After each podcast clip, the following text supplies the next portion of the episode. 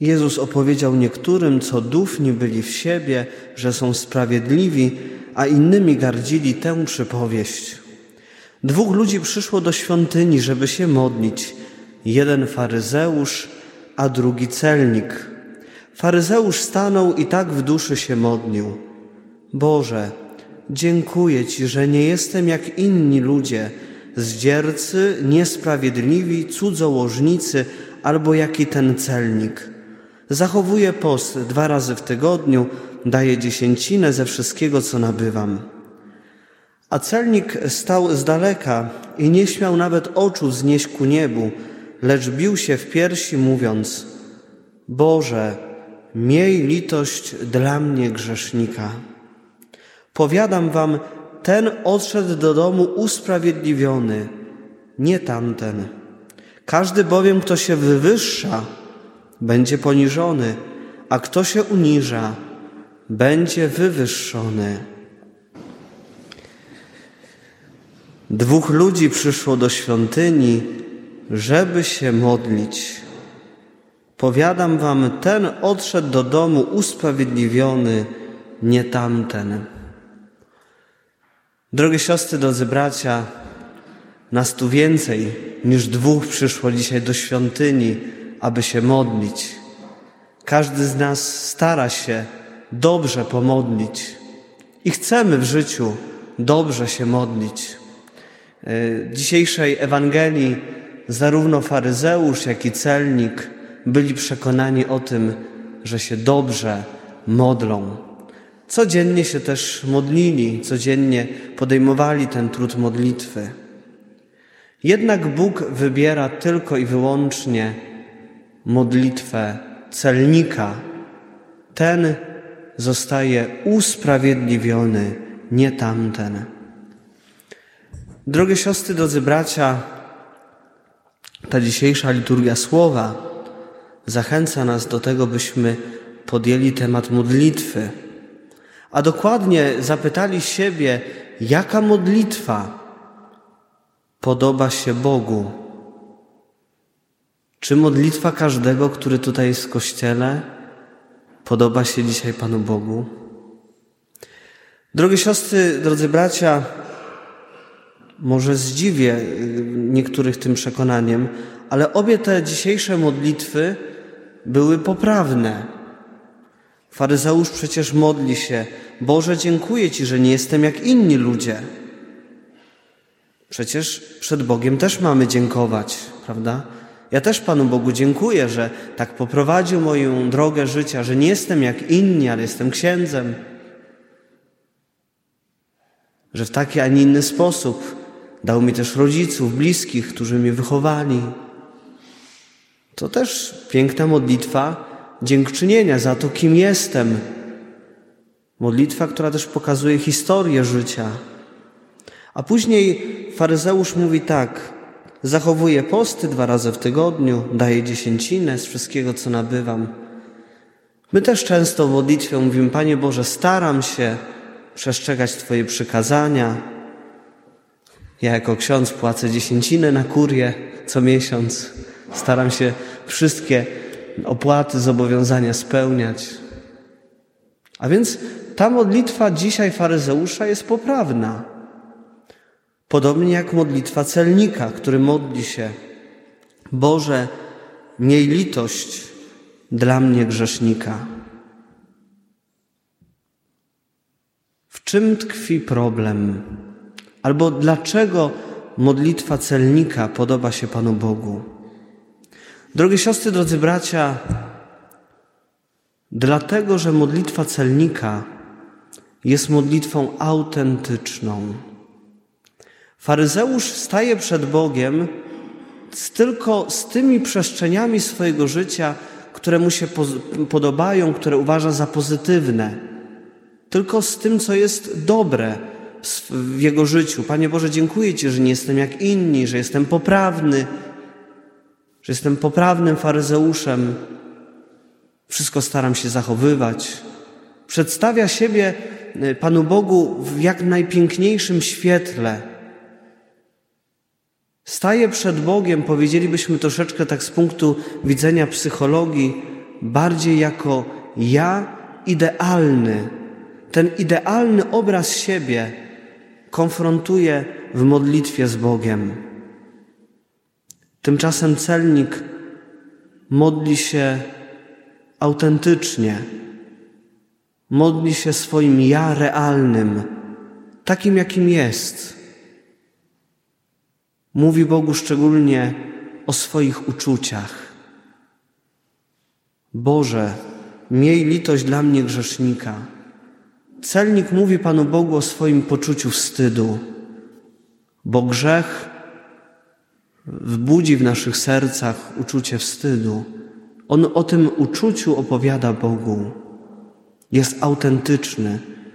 Staje przed Bogiem także z tym, co jest dla Niego trudne. Drogie siostry, drodzy bracia, tak odczytuję tą dzisiejszą liturgię słowa jako zachętę do tego, żebyśmy stawali przed Bogiem autentyczni.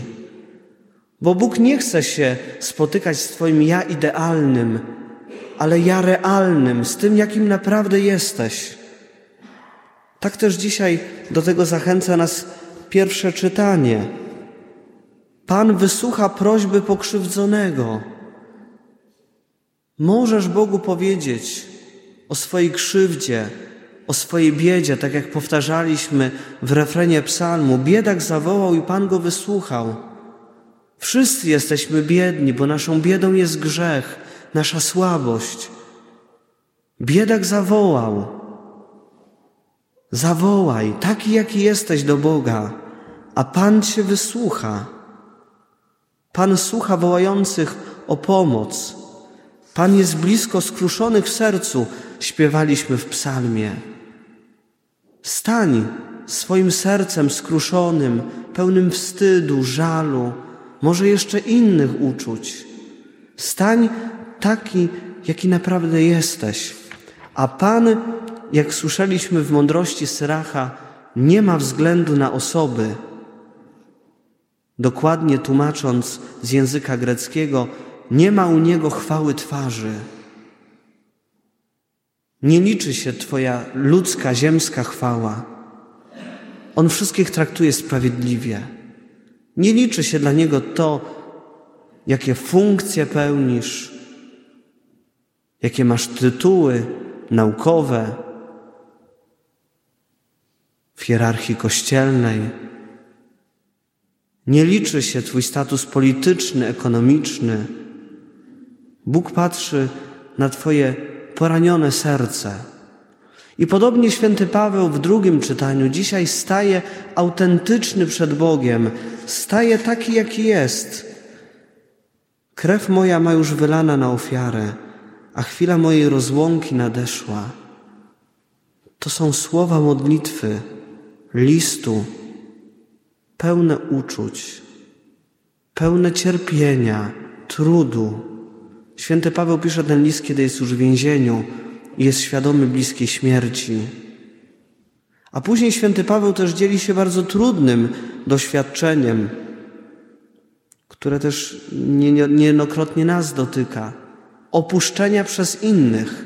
Mówi, że został opuszczony, ale Pan pozostał przy nim, wyrwał go z paszczy lwa. Paweł mówi o tym, co trudne, staje przed Bogiem takim, jakim jest.